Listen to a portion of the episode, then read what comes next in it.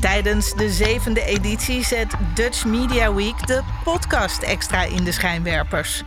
Samen met bekende en onbekende podcastmakers probeert het Mediafestival van Nederland om het wereldrecord podcast maken te vestigen. Als onderdeel daarvan stelt Dutch Media Week 2022 met grote trots aan u voor.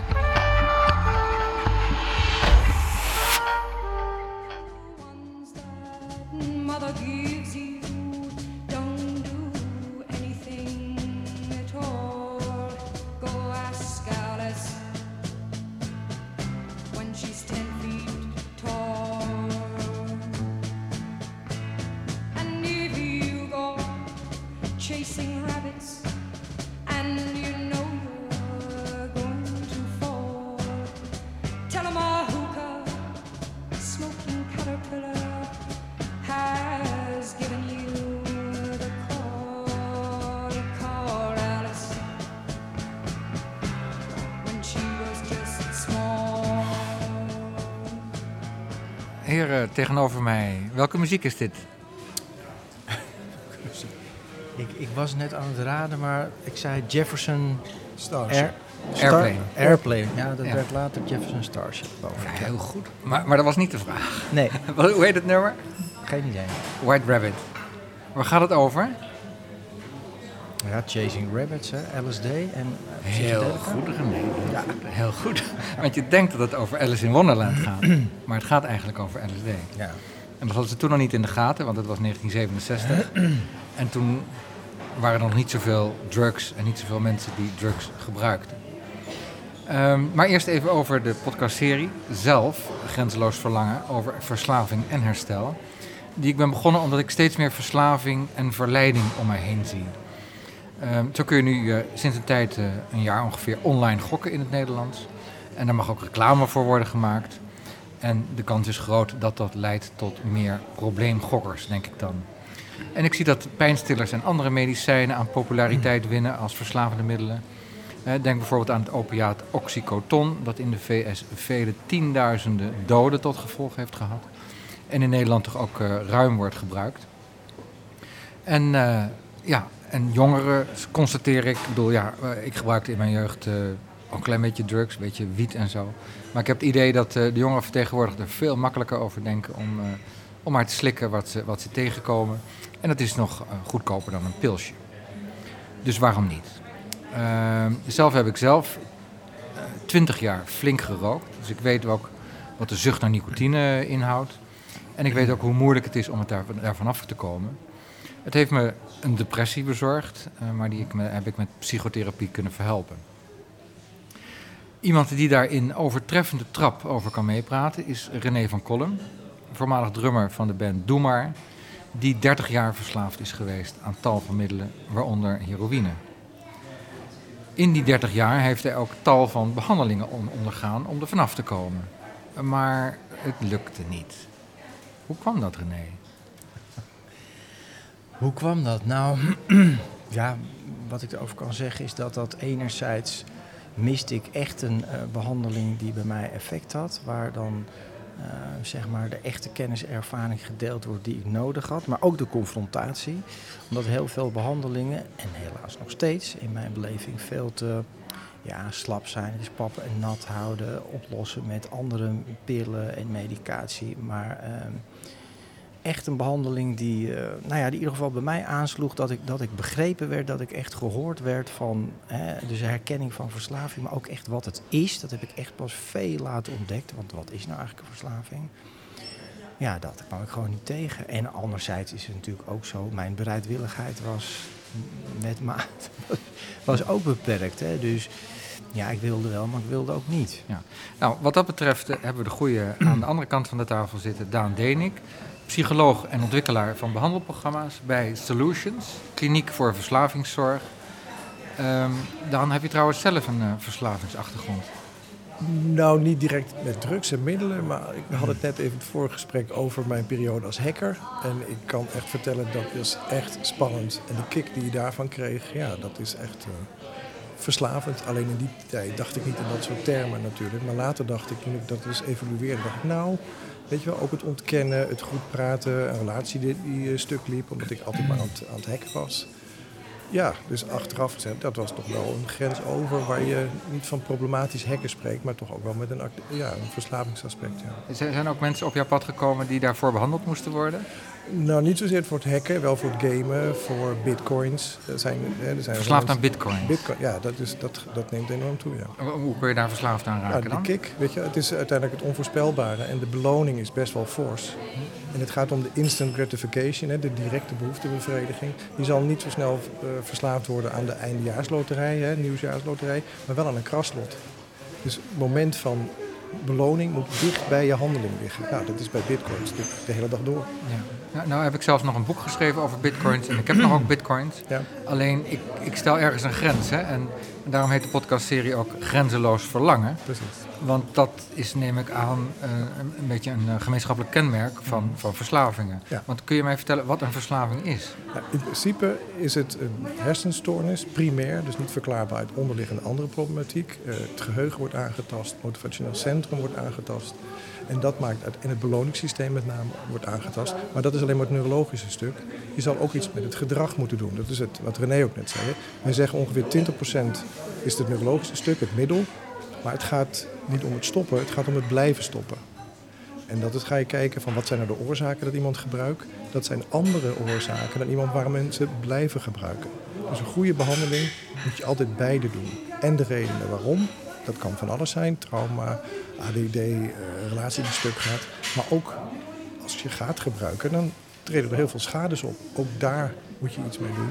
Anders blijft het staan. Ja. Maar je hebt het nu over de behandeling, maar Ja. ik heb het nog even over de verslaving zelf. Hè? Want, want hoe komt het dat sommige mensen over die grens heen gaan en denken van eh, oké, eh, ik, ik eh, open nog een nieuwe fles wijn en anderen niet? Ja, nou, dat, voor een deel ge- genen. 50% is genetisch bepaald. Eiwitten doen er veel. Er is een eiwit, dat heet FOS-beta. En dat is een soort chemische schakelaar. En die gaat bij de een wel om en bij de ander niet. En op het moment dat je stopt, gaat die schakelaar weer de andere kant op. Maar oh wee, als je weer begint, gaat hij weer vrolijk de andere kant op. En dan zit je locked met CK, locked in je verslaving. En dat is wat, denk ik, wat jij hebt meegemaakt. Dat, is- dat is een, Maar kun je daarop laten testen? Want die zegt het zit in je genen. ja, in principe wel, maar dat, de geen, ja, het- het is niet voldoende. Hè. Daar zit, het is niet alleen eh, nature, het is ook nurture wat je meemaakt. Trauma is heel bepalend. Dingen die je meemaakt in je, in je kindertijd of in je puberteit. Dat zijn allemaal dingen die je genen kunnen aantasten. En dat heet de expression of the genes. Hoe genen zich uitdrukken, epigenetica. Dat blijkt nu door veel stress te beïnvloeden zijn. En dat bleek uit een een-eigen tweelingonderzoek. Dat de enige, één deel van die een-eigen tweeling niet verslaafd werd en die andere wel. Maar die had veel meer stress gehad. En dat kon dus verklaren dat ook hè, wat je meemaakt zelfs de nature aantast. Maar 90% is niet verslaafd, hè, dus je moet ook niet dramatiseren. Het gaat om 10% maar van de wereldbevolking. Nou ja, ik probeerde toch nog een beetje dieper te graven. Ja. Want, want volgens mij heb je nog niet alle antwoorden gegeven die je had kunnen geven. Ik denk dat er wel veel onderzoek wordt gedaan naar waarom mensen verslaafd raken en, en, en, en anderen niet. Dat, dat is echt Want wanneer moet je bijvoorbeeld oppassen als, als luisteraar? Nou ja, de simpelste definitie van verslaving is als het gedrag fors negatieve dingen oplevert, hè, consequenties heeft en toch de persoon niet kan stoppen. Dat is heel simpel, maar dat is wel uiteindelijk wat jou onderscheidt van een bitcoin-belegger die wel schade heeft. En jij weet die grenzen aan te geven en komt dus niet in problemen. En dat is al een Als je gedrag negatieve consequenties heeft. Ja. Dus bijvoorbeeld als je met bitcoins investeert en, eh, en je, je, krijgt heel veel verlies. En dan ondanks dat verlies, Toch René? ga je ermee, en, en dan blijf je ermee doorgaan. Precies. Dat is precies het verschil. Hè, nou ja, wat Daan zegt. Hè, dus dat je ondanks de negatieve ervaring in je leven, op je gezondheid, op je relaties, op je werk, op dat je je kinderen niet van school had, ik zeg maar wat. Hè, Ja. Dat soort dingen allemaal. En toch ga je ermee door. Nou, dan is er wel een probleem. Dan ben je verslaafd. Nou, dan, dan Ja. heeft die, de, de verslaving heeft dan de voorkeur, zeg maar. Dat is de primaire.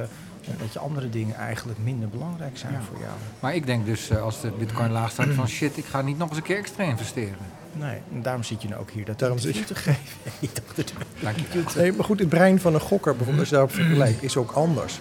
Wat we onderzocht hebben, je hebt een soort basisspanning eh, op een index van 100. Als, als René ging gebruiken, dan gaat zijn index naar 160. Ja.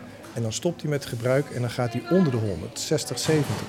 Wat we bij gokkers zien, dat is een onderzoek nu in het AMC, die gaat wel naar die 160. Maar als hij dan stopt en verliest, dan blijft hij op zo'n 100, 105. Dus hij heeft geen corrigerende ne- negatieve ervaring. Dat is heel apart. Dat hebben alleen gokkers. En ik heb het niet met bitcoin onderzocht, maar ik denk dat daar zo'n soort, eh, ja, zo'n soort gelijk effect op treedt. Ja, ja. Want je denkt altijd, ik moet het opnieuw doen. Als ik nou slimmer doe en dat en dat en dat, dan komt die winst weer. Dat heet chasing losses. En dat doet iemand die verslaafd is. Cha- Chasing losses. Dus, dus het goed maken van je verliezen. Juist. En dat is super verslavend. Dat is toch weer inzetten op die roulette. Ja, we hebben zelfs Dit keer valt hij wel op rood. Ja, we hebben zelfs gezien met, bijvoorbeeld met fruitmachines. Hè, dan heb je dat, die, die, die draaien zo. Op, eh, je moet dan drie cherries hebben bijvoorbeeld. Maar dan staan er al twee cherries. En die laatste gaat fout. Maar het feit dat het fout gaat, geeft toch een enorme boost in het brein als een piek. En ook daar kunnen mensen dus verslaafd. aan. Dat heet een near-miss ervaring.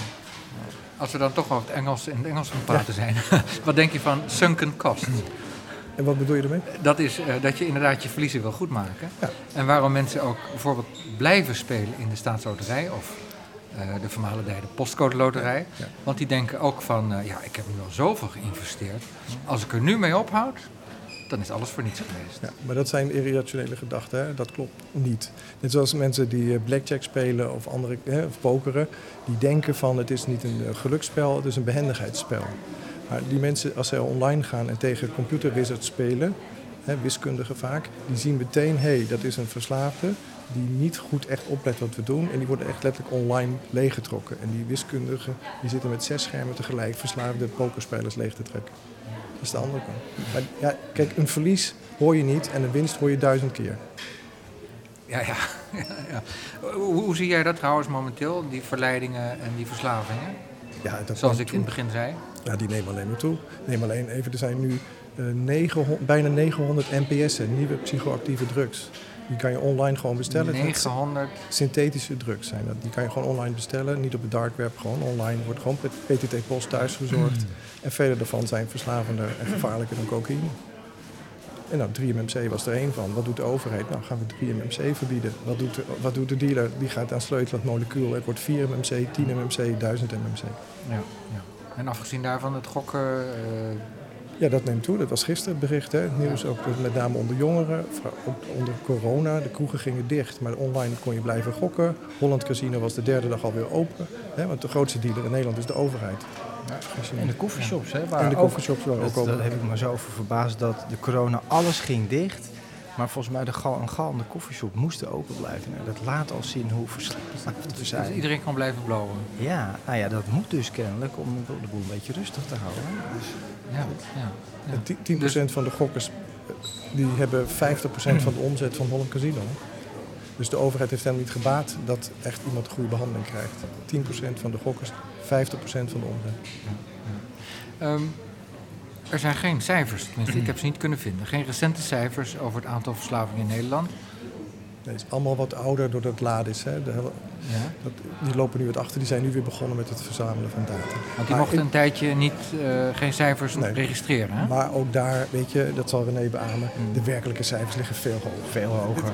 Officiële cijfers zeggen eigenlijk helemaal niks. Nee. Maar het is heel algemeen, wat, wat daar net al zei, is het 10% van de wereldbevolking. Nou, reken hem uit als gigantisch. Maar in Nederland is dat dus al 1,7 miljoen mensen. Maar ik durf zeker te zeggen dat ook wat ik zie in mijn werk en Daan ook, dat er eerder rond de 2 miljoen ligt. Zijn en wat natuurlijk ook zo is, dat is altijd met die cijfers. Ik denk altijd, hoe komen ze aan die cijfers? Want het grootste gedeelte van de mensen met een probleem zoekt eigenlijk geen hulp. Of pas heel laat, na jaren, jaren, jaren.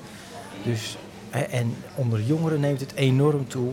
Eh, al die middelen die, die makkelijk te verkrijgen zijn voor, voor een paar euro. Dus nee, het wordt alleen maar erger. Nou, eh René, je komt uit de muziek, dus we beginnen weer even met een eh, stukje muziek.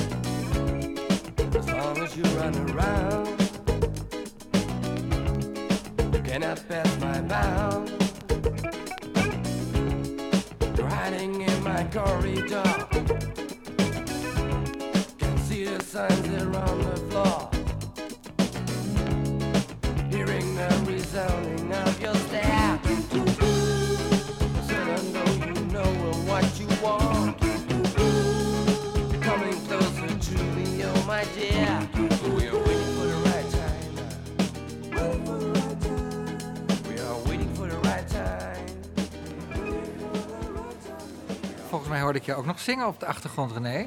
Wat, Ja. wist dit, wat was dit?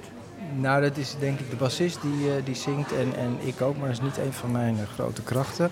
Maar dit is eh, heel leuk dat je het gevonden hebt. Dit is mijn allereerste ja, echte, echte bandje. Stok met CK, met Axel en Victor. Ja, dat waren superleuk. Jouw eerste single als drummer. Ja, klopt. In welk jaar? Nou, dat weet jij dan beter. Ehm, maar wat gebeurde er in die tijd eh, toen jij 16 was?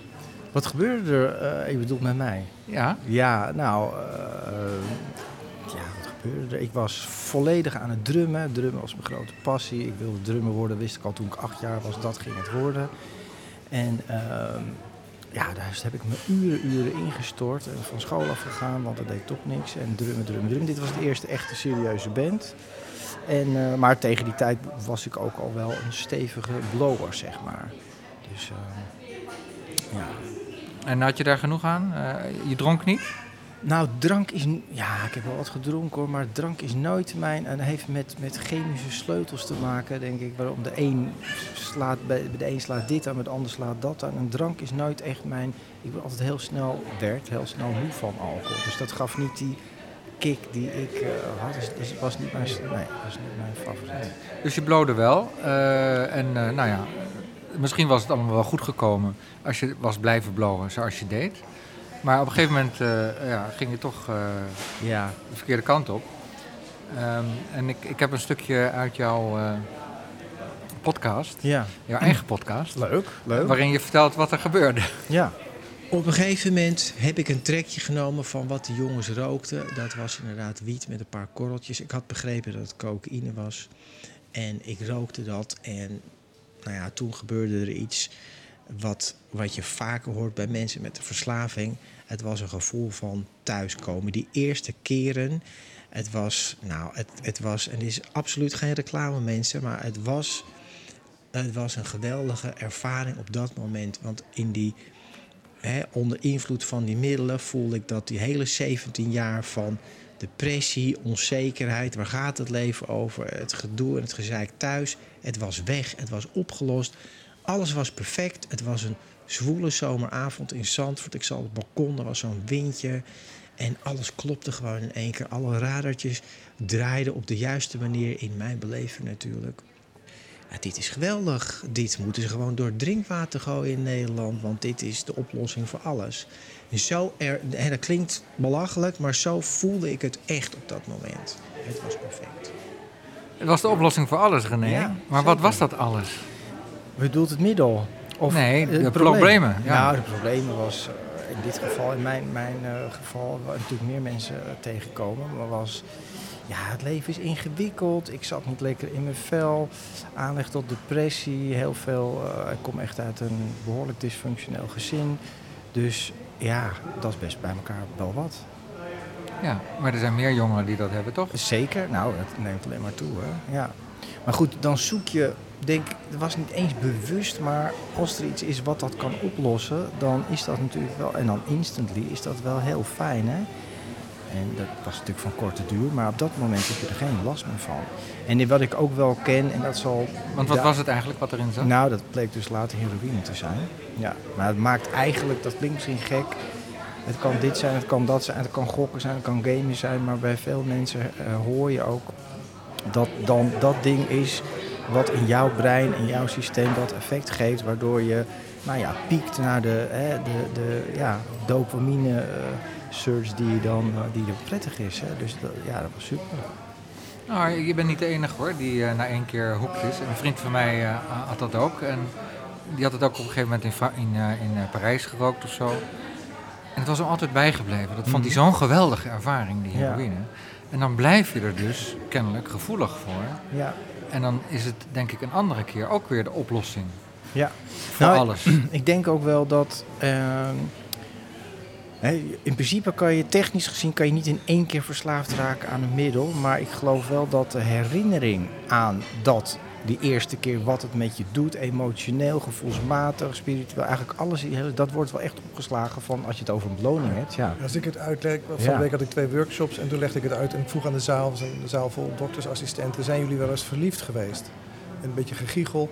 Hij zei, ja, de eerste keer dat je verliefd werd, alle andere vriendjes of vriendinnetjes vergelijk je onbewust met dat eerste gevoel. Jouw brein is dan helemaal nieuw en die impact voor het brein is mega. En, Gigantisch, ja. wat- en dat is wat ik zie als ik mensen behandel. Ehm, wij kunnen niet hun geheugen wissen.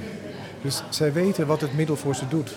En die, dat, die vertrouwdheid, het wordt een vriend. Hè. Voor een man wordt het vaak zijn harnas, voor een vrouw wordt het vaak de vriend. En dat, die herinnering, die is... Die, heb je het over verliefdheid of over drugs? Nee, over drugs. Over drugs. Dus op het moment dat jij dat voelt, Ja.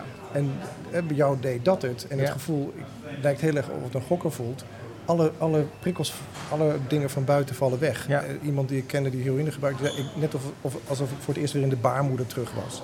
Helemaal veilig in mijn cocoonetje. Ja. Nou, dat is zo overdonderd, dat is een soort thuiskomen.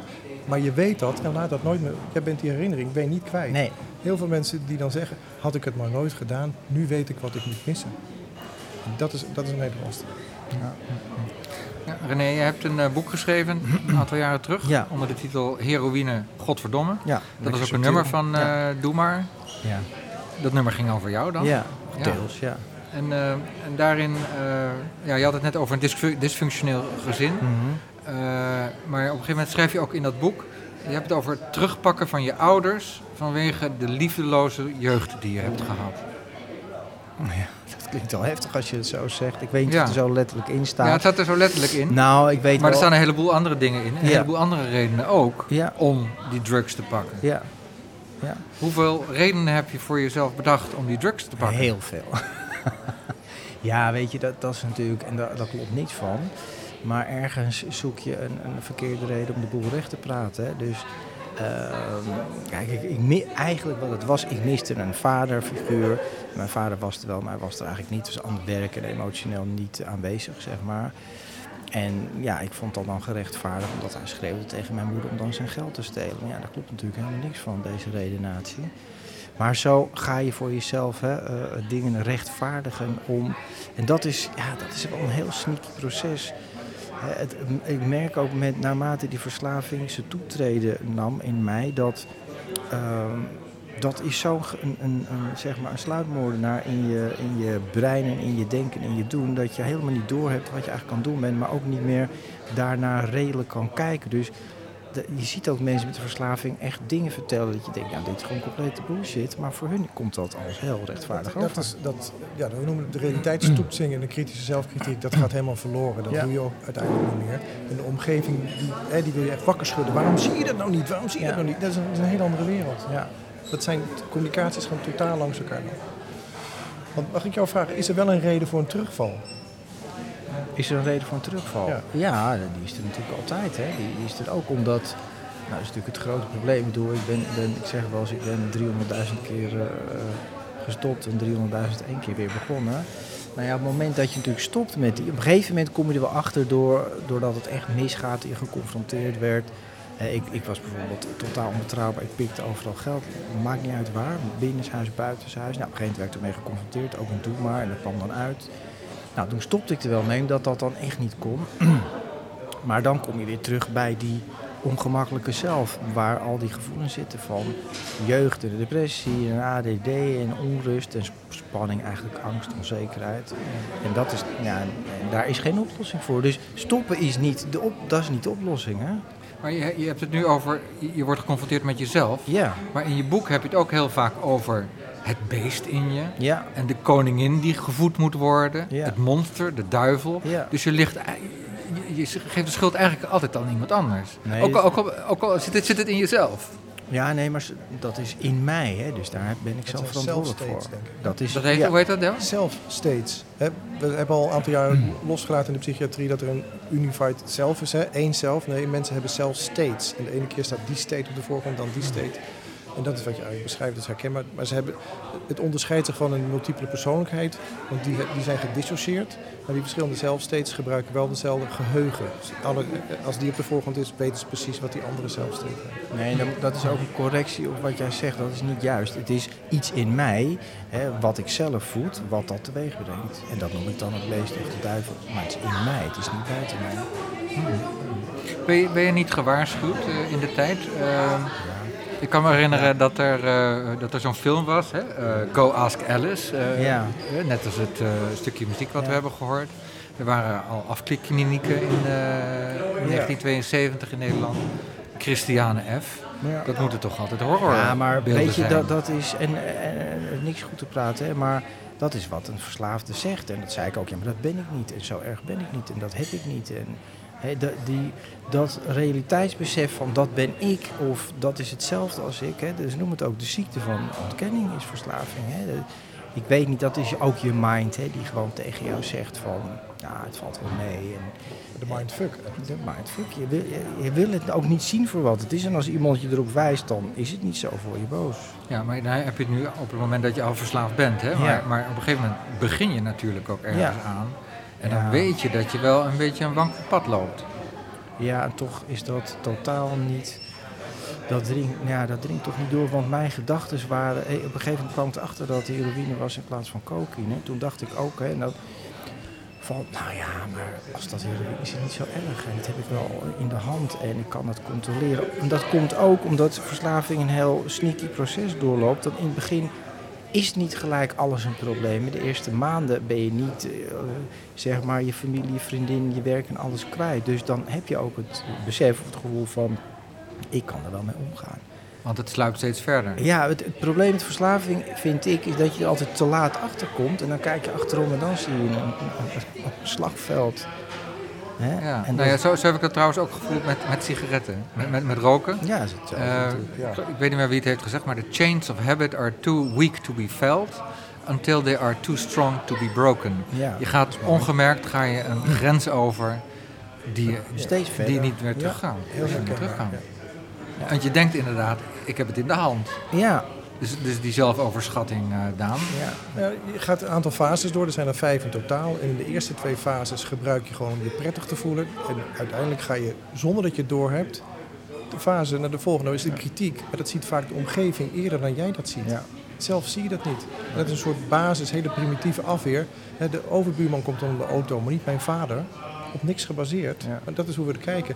Hij heeft een probleem, ik niet. Die man in het park in die oude jas met die fles. Daar voldoe ik niet aan in dat beeld. Want ik heb nog eh, ik heb Ja. een relatie, ik werk nog, een opleiding. Dus dat past niet met mij. En die mindfuck is heel sterk. En dan zie je ook een tweedeling in de persoonlijkheid. Mr. Jekyll en Mr. Hyde. En Mr. Hyde ont- Nou ja, het dat is hetzelfde leven. als het beest. En, het, Ja. en dat is zo sterk en het heeft niks met intelligentie te maken. Want je ziet dat eigenlijk bijna, nou ja, zo niet iedereen met een verslaving dit heeft, hè, die ontkennen. Ik dacht na 30 jaar ook bij zo'n 12-stap-programma, ja, ik ga niet tussen al die junkies zitten. Terwijl ik was zelf de grootste junkie, ja. Ja, maar het is een hele eerlijke stoornis, want hij discrimineert niet. Rijk, arm, maakt niet uit. En nou heb je wel eh, op allerlei manieren geprobeerd om er vanaf te komen. Ja. Hè? Allerlei soorten therapie. Eh, je bent naar Schotland geweest. eh Keith Bakker heb je gevonden. De Jellinek Kliniek. eh, Ja. daar had je een tien strippenkaart, zei je op een gegeven moment in dat boek. Cold Turkey. Ja. je was bij de antroposofen. Nou, Ja. Dat was ook nog bijna gelukt. ja. Maar hoe komt het nou dat die therapieën geen vat hadden op jou? Nou ja, dat is een beetje net als het eerste stuk wat ik zei. Er is een deel wat. Kijk, wat, je, wat het moeilijkste is bij het overwinnen van de verslaving, en misschien was het ook wel veel eerder gelukt bij een andere behandeling, is die stap 1 vaak is dat je het echt erkent, echt onder ogen komt. En dat is nou per definitie iets wat er met de verslaving niet, niet onder ogen komt. En ook een ontzettende angst dat als ik het echt loslaat, wat dan? En wat ik vaak ook miste is van, kijk, heel simpelweg gezegd, als je iets wegneemt van iemand, in dit geval, hè, hoe slecht het ook voor is, doet verslaving wel iets voor je, of wat het ook is. Het geeft op dat moment, al is het een paar minuten of, of wat dan ook, waarin je dan die release hebt. Maar als je dat weghaalt, maar er komt niet echt iets goeds voor in de plaats, ja, dan ga je gewoon door daarmee. En dat kon ik ook niet vinden. Dus het, het is ook een gebrek aan goede, toch goede behandeling. En ook wel echt het moment dat ik zelf ook daar echt voor durfde te gaan en doorheen durfde te gaan. Want dat is wat ik per definitie deed. Er niet doorheen gaan. Hè. Dus ik deed het altijd op 60%, 40%, misschien een dag op 70%, maar nooit op 100%. En dan werkt het ook niet in behandeling. Wat me ook verbaasde is dat je zegt van, nou ja, eh, op een gegeven moment dan gebruikte ik geen heroïne meer. Maar ik bleef wel blowen Ja. en ik bleef wel pillen slikken en zo. Ja, Want je, was niet, eh, je wist niet dat, dat eigenlijk volledige abstinentie nee. noodzakelijk was. nee, en dat is wel maar dat iets- vind ik moeilijk om, Ja. om dat te begrijpen. Want dat vertellen ze je natuurlijk bij elke therapie, Nee, toch? Of Nee, niet? en dat is absoluut. Nee, de, de, zonder namen te noemen, maar er zijn nog steeds instellingen en, en. Nee, daar ben ik niet zo van. Maar hè, in Nederland die nog steeds zeggen van, joh, als jij stopt met die cocaïne, maar je blijft blowen, nou dat is prima. Dus de, er zijn echt grote organisaties in Nederland die nog steeds dat model van totale abstinentie niet voeren. Terwijl dat het meest voor de hand ligt. Als je een verslaving hebt, dan laat het zien dat je er dus niet mee kan omgaan. Dus niet af en toe een beetje of in het weekend of na vijf uur middags. En dat dacht ik wel. Ik dacht, nou dan heroïne niet, maar blowen, zeker muziek en af en toe een snuifje dat. Nou ja, dat, dat is natuurlijk logisch Klopt dat dat, dat, eh, kan. Ja, je, je kan de bevolking indelen in drie groepen. De gecontroleerd gebruikers, een hele grote middengroep, dat heette de probleemgebruikers. En die heten niet zo omdat ze problemen hebben en daarom gebruiken. Nee, door hun gebruik zijn er problemen. En die laatste groep, dat is 10%, die zijn verslaafd. Die kunnen niet meer terugschakelen naar gecontroleerd gebruik. Die moeten dus stoppen, de bar is dicht. En als jij heroïne hebt of cocaïne hebt en je hebt ook gedronken, maar daar had je nooit een probleem mee, moet je ook stoppen met de alcohol. Want uiteindelijk in je hoofd zit niet een hokje coke of een hokje dopamine. Of, nee, alles is dopamine, dopamine. Maar zijn er, zijn er dus therapieën die niet zeggen van je mag helemaal niks meer nou ja, gebruiken? maar dan hebben we een probleem met die therapieën, toch? Nou ja, daar doe je. Kijk, als hoor je bij die probleemgebruikende groep, dan kan je nog zoiets proberen. Maar zit je al in die laatste fase, hè, bij die 10%, dan hou je iemand een, een worst voor waarvan je weet als je, de, als je er een beetje bij de les bent, dat dat niet oké is. Maar er zijn klinieken, dan wordt je al de worst voorgehouden, wil je abstinent of gecontroleerd gebruik? Ja. Ja. wat denk je dat de verslaafde zegt Ja. dan? Maar die krijgen net zoveel vergoed als wij, hè? Ja. Als ik dan toch even Ja, Ja, maar- een filijn mag zijn. Ja, bizar. Maar die moeten toch op de zwarte lijst komen dan? Nou ja, die, Ja. Moeten, die moeten gewoon met verslaafden gaan praten. Echt gaan praten. En niet vanuit, nou ja, ik zal geen namen noemen, maar er zijn zoveel mensen die hebben nog al heel lang geen patiënten gezien, maar die bepalen wel heel erg het beleid. Ook verzekeraars. En dan denk ik, joh, kom eens praten. Weet je, van de 100 die zouden moeten komen, er maar vier in zorg in Nederland. Hè? Vier maar. En dat zegt al genoeg. Omdat de ontkenning, de schaamte, het stigma zo groot is. Burn-out was een paar, eh, 20 jaar geleden ook een beetje not dan. Nu ben je gewoon een hele grote, goede werkgever. Je hebt hard gewerkt, je hebt een burn-out. Super. Verslaving, de gordijnen gaan dicht, de luiken gaan dicht. En dat is ook de reden waarschijnlijk dat jij hier aan meewerkt. We moeten dit vertellen, vertellen, vertellen. Niet in die achterkamer, gewoon open. Luiken, gordijnen open. Maar, maar zelfs als het lukt, hè, als je helemaal afkikt, dan nog eh, is er nog steeds een grote kans op terugval. Hè? Want, want één keer een, een borreltje of een snuif eh, Ja, en je, maar- je gaat weer vergazen. Grappig dat je het vraagt. Er is een onderzoek gedaan dat 1% van iemand die verslaafd is toch een keer weer kan, eh, gecontroleerd kan gebruiken. Als ik dat in een groep vertel, wat denk je dat die groep zegt? Ik hoor bij die 1%.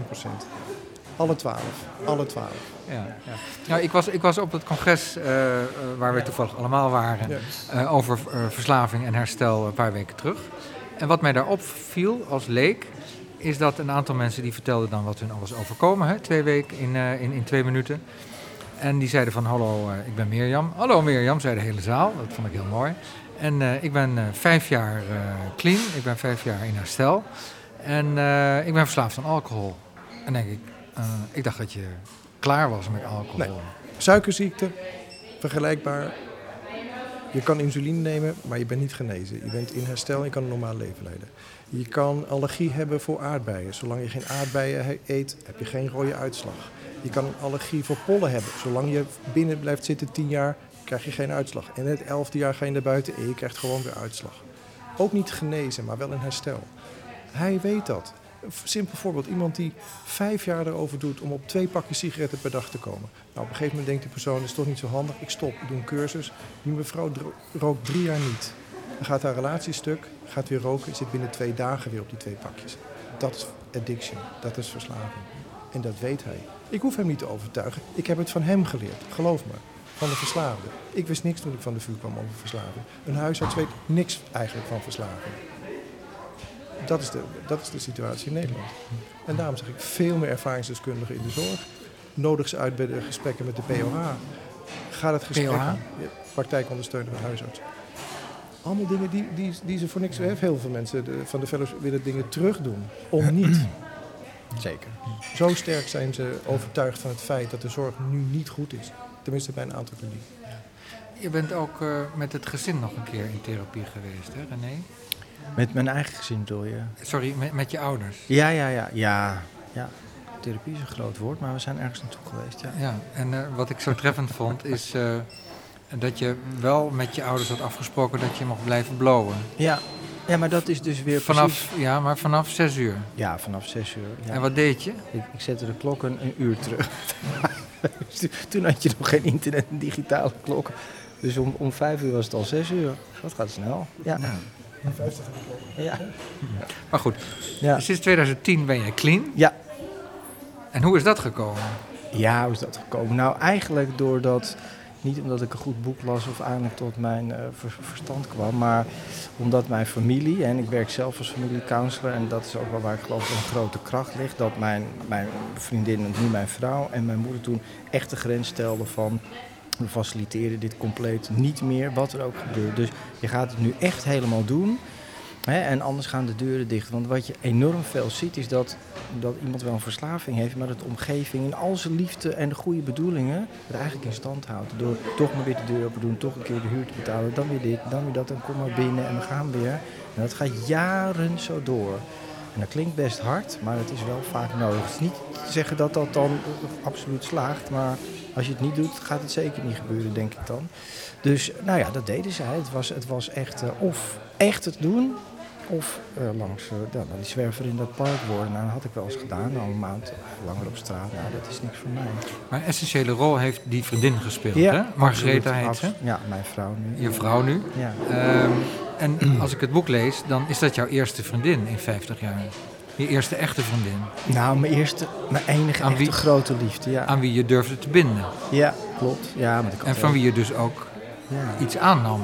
Ja, nou ja, dat, is, dat kan je niet organiseren, maar dat is wel, dat die vrouw zit. Ze kwam echt in mijn hart en daarvoor had ik heel veel vriendinnetjes, maar dat was, ja, dat, dat kwam en dat ging. Maar was er een zekere bindingsangst aan al die jaren? Ook, ook. En ik zei vroeger altijd ook tegen meisjes van, eh, ja, ik ben muzikant, dus je moet niet te veel op rekenen. Kortom, ik ben onbetrouwbaar en relaties, daar ben ik niet goed in. Maar ik wilde dat ook niet, hè, want ik wilde toch mijn ding kunnen doen. En dat is? Nou, gebruiken en doen waar ik zelf Oh, dus je in zag, eh, je zag vriendinnen als gevaar. Nou, Want die konden jou van de drugs afhouden. Nee, ik zag ze meer als eh, eh, tijd, tijdverblijven toch, eh, seks, drugs en rock'n'roll zeg maar. Dat heeft niks met liefde te maken, en, maar met Margreta wel. En liefde is natuurlijk ook, hè, zoals Margreta zegt, liefde is het toverwoord. Dus als er echt liefde is, ja, dan, dan, en dan gaat het erom tellen. Wat ga je doen? Maar toch heb je haar nog eens een keer om de tuin geleid. Ja, zeker. Zeker ook, ja. ja. Maar ja, omdat, dat, daarna heeft ze ook die grenzen gesteld. Hè. Toen ik, eh, want ik had geen dubbeltje bij de gestolen. Anderhalf jaar heeft ze vanaf mijn verslaving toch meegemaakt. Heb ik toch gestolen in haar huis. Ook de favoriete sieraden van de overleden moeder. En, eh, of van vader, sorry. En de trouwing van de moeder. En eh, ja, toen zei ze ook van... Nou, hier houdt het op. Ik hou van jou. En ik wil oud met je worden, maar ik wil niet oud van je worden. En dat werd ze heel snel. Maar, ik kan me voorstellen dat het een openbaring was voor je. En dat Ja. er na al die, nou, meer dan 50 jaar, eindelijk iemand was die, die tegen jou zei van... René, kappen Ja, of ja, of verdwijnen. ja, ja. En dat, Dat, is iemand ik- die je altijd hebt gemist. Nou, wel, ja, wel iemand die echt ook die confrontatie in die spiegel eh, eh, voorhoudt. hè. Ja, tough love. Dat, dat, dat heb ik, had ik nodig en dat zie ik bij andere mensen die eh, zelf bij mij komen en waar ik werk. Hè. Dat, dat is absoluut nodig. Liefde, maar wel heel duidelijke grenzen. Anders is het geen liefde. Nou ja, anders ben je het probleem aan het faciliteren hè, vanuit goede bedoelingen. En dat gebeurt enorm veel. Ja. Je zei het net zelf al, hè, je bent nu family counselor. Ja. Dus je bent ook eh, actief in de hulpverlening. Ja. Wat doe je precies? Nou, ik werk bij een, eh, een, organisa- een jeugdkliniek in eh, Nederland. En daar, daar, daar worden jongeren opgenomen tussen de ja, tussen wat is het, 13 en 23, 24 jaar. Mag je wel zeggen, hoor. dat is de beste jongerenkliniek in Nederland, Yes We Can. Dus Yes We Can Clinics, ja. En daar, ehm, nou, daar, dat is niet alleen, hè, dat is een jeugdkliniek dus voor gedragsproblemen, gedragsstoornissen en verslavingen. En ik ga eigenlijk, de families zijn ja, zeg maar verplicht tussen aanhalingstekens om echt mee te doen aan het familieprogramma. Omdat je daar weer hetzelfde ziet. Zij zijn vaak uit liefde, ja, maar dat kan ik toch niet doen en mijn kind en dit. Om hun te laten zien van dat je wel degelijk in liefde ook hele goede grenzen kan stellen. Dus ik doe, ik doe het familieprogramma daar en ik heb een privépraktijk waar mensen met dezezelfde problemen ontvang. Ook kinderen die een, een, verslaafde ouder hebben, want dat, die komen ook bij mij. Dus je leert eh, de familie grenzen stellen ook, Ja, jegens hun eh, naasten. ja En wat doe je in die eh, één op één praktijk, in die privépraktijk? eh, dat, dat, hetzelfde. Ja, maar met verslaafden zelf? Nou, die komen het minste bij mij, want dat is weer het probleem. Ehm, ja, vaak hè, als mensen komen, dan, dan eh, als ze komen. En, en eh, ik heb ook een tijd lang iemand in behandeling gehad. Allemaal plannen gemaakt. Als puntje bepaald komt, dan haakt die af. Dus die komen eigenlijk het minste en houden ze het slechtst aan het afspraak. Net zoals ik dat vroeger deed. Maar als iemand komt die niet echt wil, ja, dan ga ik een plan maken. hè, Want het begint pas als je stopt. Dus eh, vandaar ook wat, wat jij zei toen van een compleet herstelplan. Kijk, herst, eh, eh, ehm, het is niet van ik ben gestopt met mijn middels, nu is het probleem opgelost. Nee, nu beginnen we pas, nu moeten we aan de bak. Dus een plan Ja. eigenlijk voor je hele leven. En dus dat, oké, hoe blijf ik clean? Maar op het gebied van relaties, van werk, van hoe deel ik mijn dag in, nou eigenlijk alles. Want dan pas maak je een kans. Dat lijkt me een mooi tegeltje voor aan de muur ook. Ja, Het begint pas als het stopt. het begint pas als het stopt, ja. Daan, wat vind jij ervan? Want jij hebt psychologie gestudeerd. Ja, maar Eh, en eh, nou ja, wat, jij hebt daar geen opleiding voor, eh, Nee. René, maar Nou, het belangrijkste heb ik geleerd van de verslaafde zelf. Eh, toen wij, ik ben geheadhunt om bij Solutions te komen en toen waren er alleen nog maar ervaringsdeskundigen. En ik kreeg daar workshops van ervaringsdeskundigen. En wat mijn redding is geweest door al mijn kennis even op hè, en mijn arrogantie opzij te zetten en gewoon echt het op te zuigen. En toen zag ik gewoon wat het effect was van de behandeling. Ik zag standaard, het is een, het is een family disease, alles raakt erdoor besmet. Dus op het moment dat je de familie erbuiten houdt, dan onderbehandel je per definitie. En dat is een beetje een soort spinweb wat een jaar al in trilling is gekomen. En ik haal het spin eruit, die zet ik in de kliniek en ik doe niks met dat spinweb. En ik plaats na vijf weken die persoon weer terug. Dan is er nog steeds chaos. Dus je leert de omgang, je leert het, eh, het verslavingsgedrag herkennen bij, de- voor de familie. Maar ook hun eigen gedrag. Eh, zij scannen hen, maar de verslaafden scannen ook de omgang, de, de naaste. Hm. En op het moment dat, dat die dans weer begint, die toxische dans, ja, dan herhaalt alles zich weer. Dus je moet echt het helemaal uit elkaar vlooien. Eh, uitleggen waarom dingen niet werken. De, de trauma's behandelen. Er zijn heel veel trauma's, zowel bij de mensen in herstel, maar ook bij de familie. Die altijd maar eh, ja, hy- hyper eh, alert zijn op alles. Eh, ik, ik zie ouders die kinderen hebben met eh, GHB en een overdose hebben gehad. Die kunnen geen, geen sirene van een ambulance meer horen. Die schrikken zich helemaal beroerd. Zo'n flesje, plastic flesje met water, dat is een trigger van het GHB. Oh ja? Alles triggert. En dat moet je ook mee behandelen, anders ja, dan hebben Waar- ze waarom, waarom is een flesje water een trigger? de, de kinderen in school doen de GHB gewoon in, in een eh, plastic eh, ja, flesje. Waardoor de leraar niet weet dat ze gewoon tijdens de les GHB drinken. Dat gebeurt. Dat gebeurt, wordt wakker, zou ik zeggen. Ja. Dat gebeurt. Je komt niet zo vaak op school, hè? Nee, maar het, het, het, het wordt overal gebruikt. Ik ken scholen die bij schoolfeesten eh, mogen er geen glaasjes water meer staan. Omdat het niet te controleren is wat ze erin gooien. Het is ook een rape drug heel lang geweest, nog steeds op scholen. Dus, Dus zover zijn we al. Ja, ja, ja. ja. Ja, het is veel erger dan je denkt, Peter. Helaas, helaas. En het wordt alleen maar erger ook. Ja. En vooral ook jongeren, steeds, steeds, dat zien we dan bij ons, eh, waar, waar ik werk. Ik hoor nu echt verhalen van eh, jongeren van 15, 14 die al dealen en ripdeals en met een wapen op zak lopen en criminaliteit. En ja, dat is- Wa- Wat bij jou wel gewerkt heeft, want je hebt het nu Ja. over triggers, hè? Over, over flesjes eh, water. eh, is als je afstand neemt tot de, de, de plek waar je woont, hè, of waar je gebruikt, dat je niet in aanraking komt met mensen die, eh, die dealen of die ook gebruiken of zo en zo. Hè? Want je hebt een tijd in Schotland gezeten, ja. je hebt een tijd in het noorden van Nederland gezeten bij de antroposofen, ook Mhm. ver weg van, eh, van de drugs. ja, dat werkt natuurlijk tijdelijk, hè? maar Ja. de laatste keer dat ik succesvol ben afgekikt was midden in Amsterdam. Waarom lach je een beetje? Nou, omdat ik lag, omdat, omdat dat tijdelijk werk. En, en ik dacht altijd van, als ik het in Amsterdam kan, dan kan ik het overal. Want daar had ik altijd gebruikt. Dus de laatste keer dat ik eh, succesvol ben, eh, echt nog steeds clean ben, hè, is in Amsterdam. En daar heb ik ook in een safe house gezeten. Een soort begeleid wonentraject eh, met zero tolerance voor drugs en alcohol. Maar je, ja, je moet, kijk, de wereld gaat niet veranderen. Dus je moet je, eh, jij moet veranderen zodat je in de wereld past. Hè? Dus, maar ja, ik ga, niet, ik ga nu ook niet in een koffieshop nog een kopje koffie zitten drinken. En kijken hoe lang het duurt voordat die geur toch wel aantrekkelijk wordt. Ja? Dus je, ik, Waar drink je dan je koffie? nou, waar ze In de boekhandel. in de boekhandel, in normaal, een echte koffieshop zonder druk. Ja. Nee, je zoekt geen, ik, ook na 12 of ruim 12 jaar zoek ik geen plek op die dat. Waarom zou ik dat doen? Heb ik ook trouwens totaal geen behoefte meer aan. Die behoefte is helemaal weg. Vandaar die vele one-liners. Hè. Wij zeggen ook, eh, kiss yourself, keep it smart and simple. Ja. En check je motieven. Maakt dit mijn herstel moeilijker of simpel? En als, het, als je het moeilijker maakt, moet je het niet doen. En check je motieven het eerste jaar constant. Constant checken. En niet denken, het is, het is oké of het is veilig. Want dat is de hoogmoed. En hoogmoed komt voor de val, zeiden ze ooit. Ja, dat is nog steeds zo, ja. Dus eh, je moet wel op je tellen passen, René.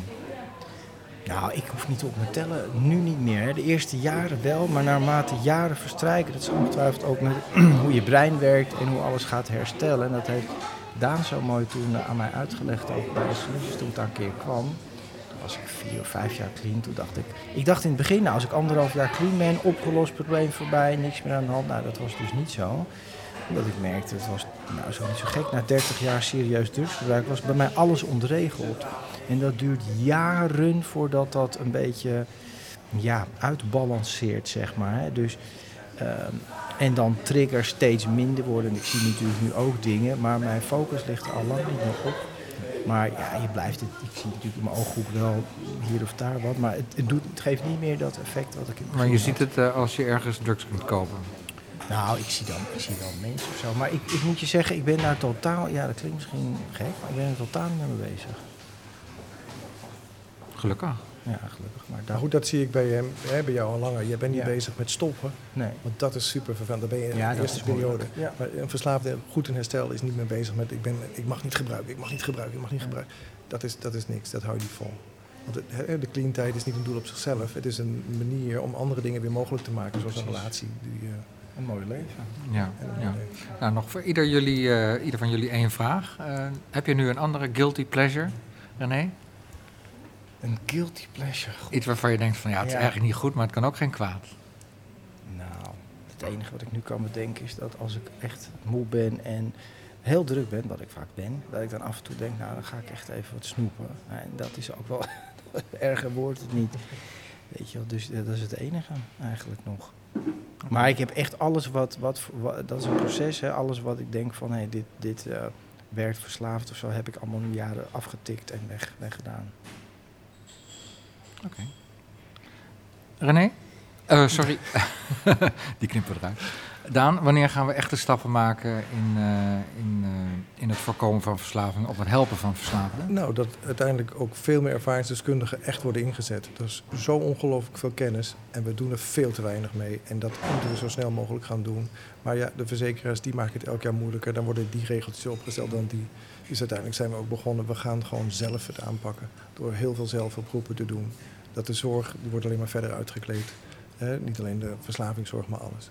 Dus er is nog heel veel te doen, maar ik ben nog steeds optimistisch. En jij ook, om eh, gewoon de handen ineen te slaan. Ja, Professionals. nu ook mijn eigen podcast heb, Ja, Peter, van Verslaving naar Ja, dat is renévancolum.nl. Ja, en nou, een podcast op YouTube en op Spotify om eh, inderdaad voor de mensen eromheen, maar de mensen natuurlijk met de verslaving ook. Maar ik begin eigenlijk bij de families, want als die stoppen met faciliteren en wakker worden van, hé, wat zijn we aan het doen en wat is dit, dan denk ik Ja. dat dat heel helpend kan zijn. Oké. Dankjewel. We spelen nog één nummer en ik denk dat jullie dat nummer ook wel kennen. Dankjewel, Peter. Dankjewel, Peter.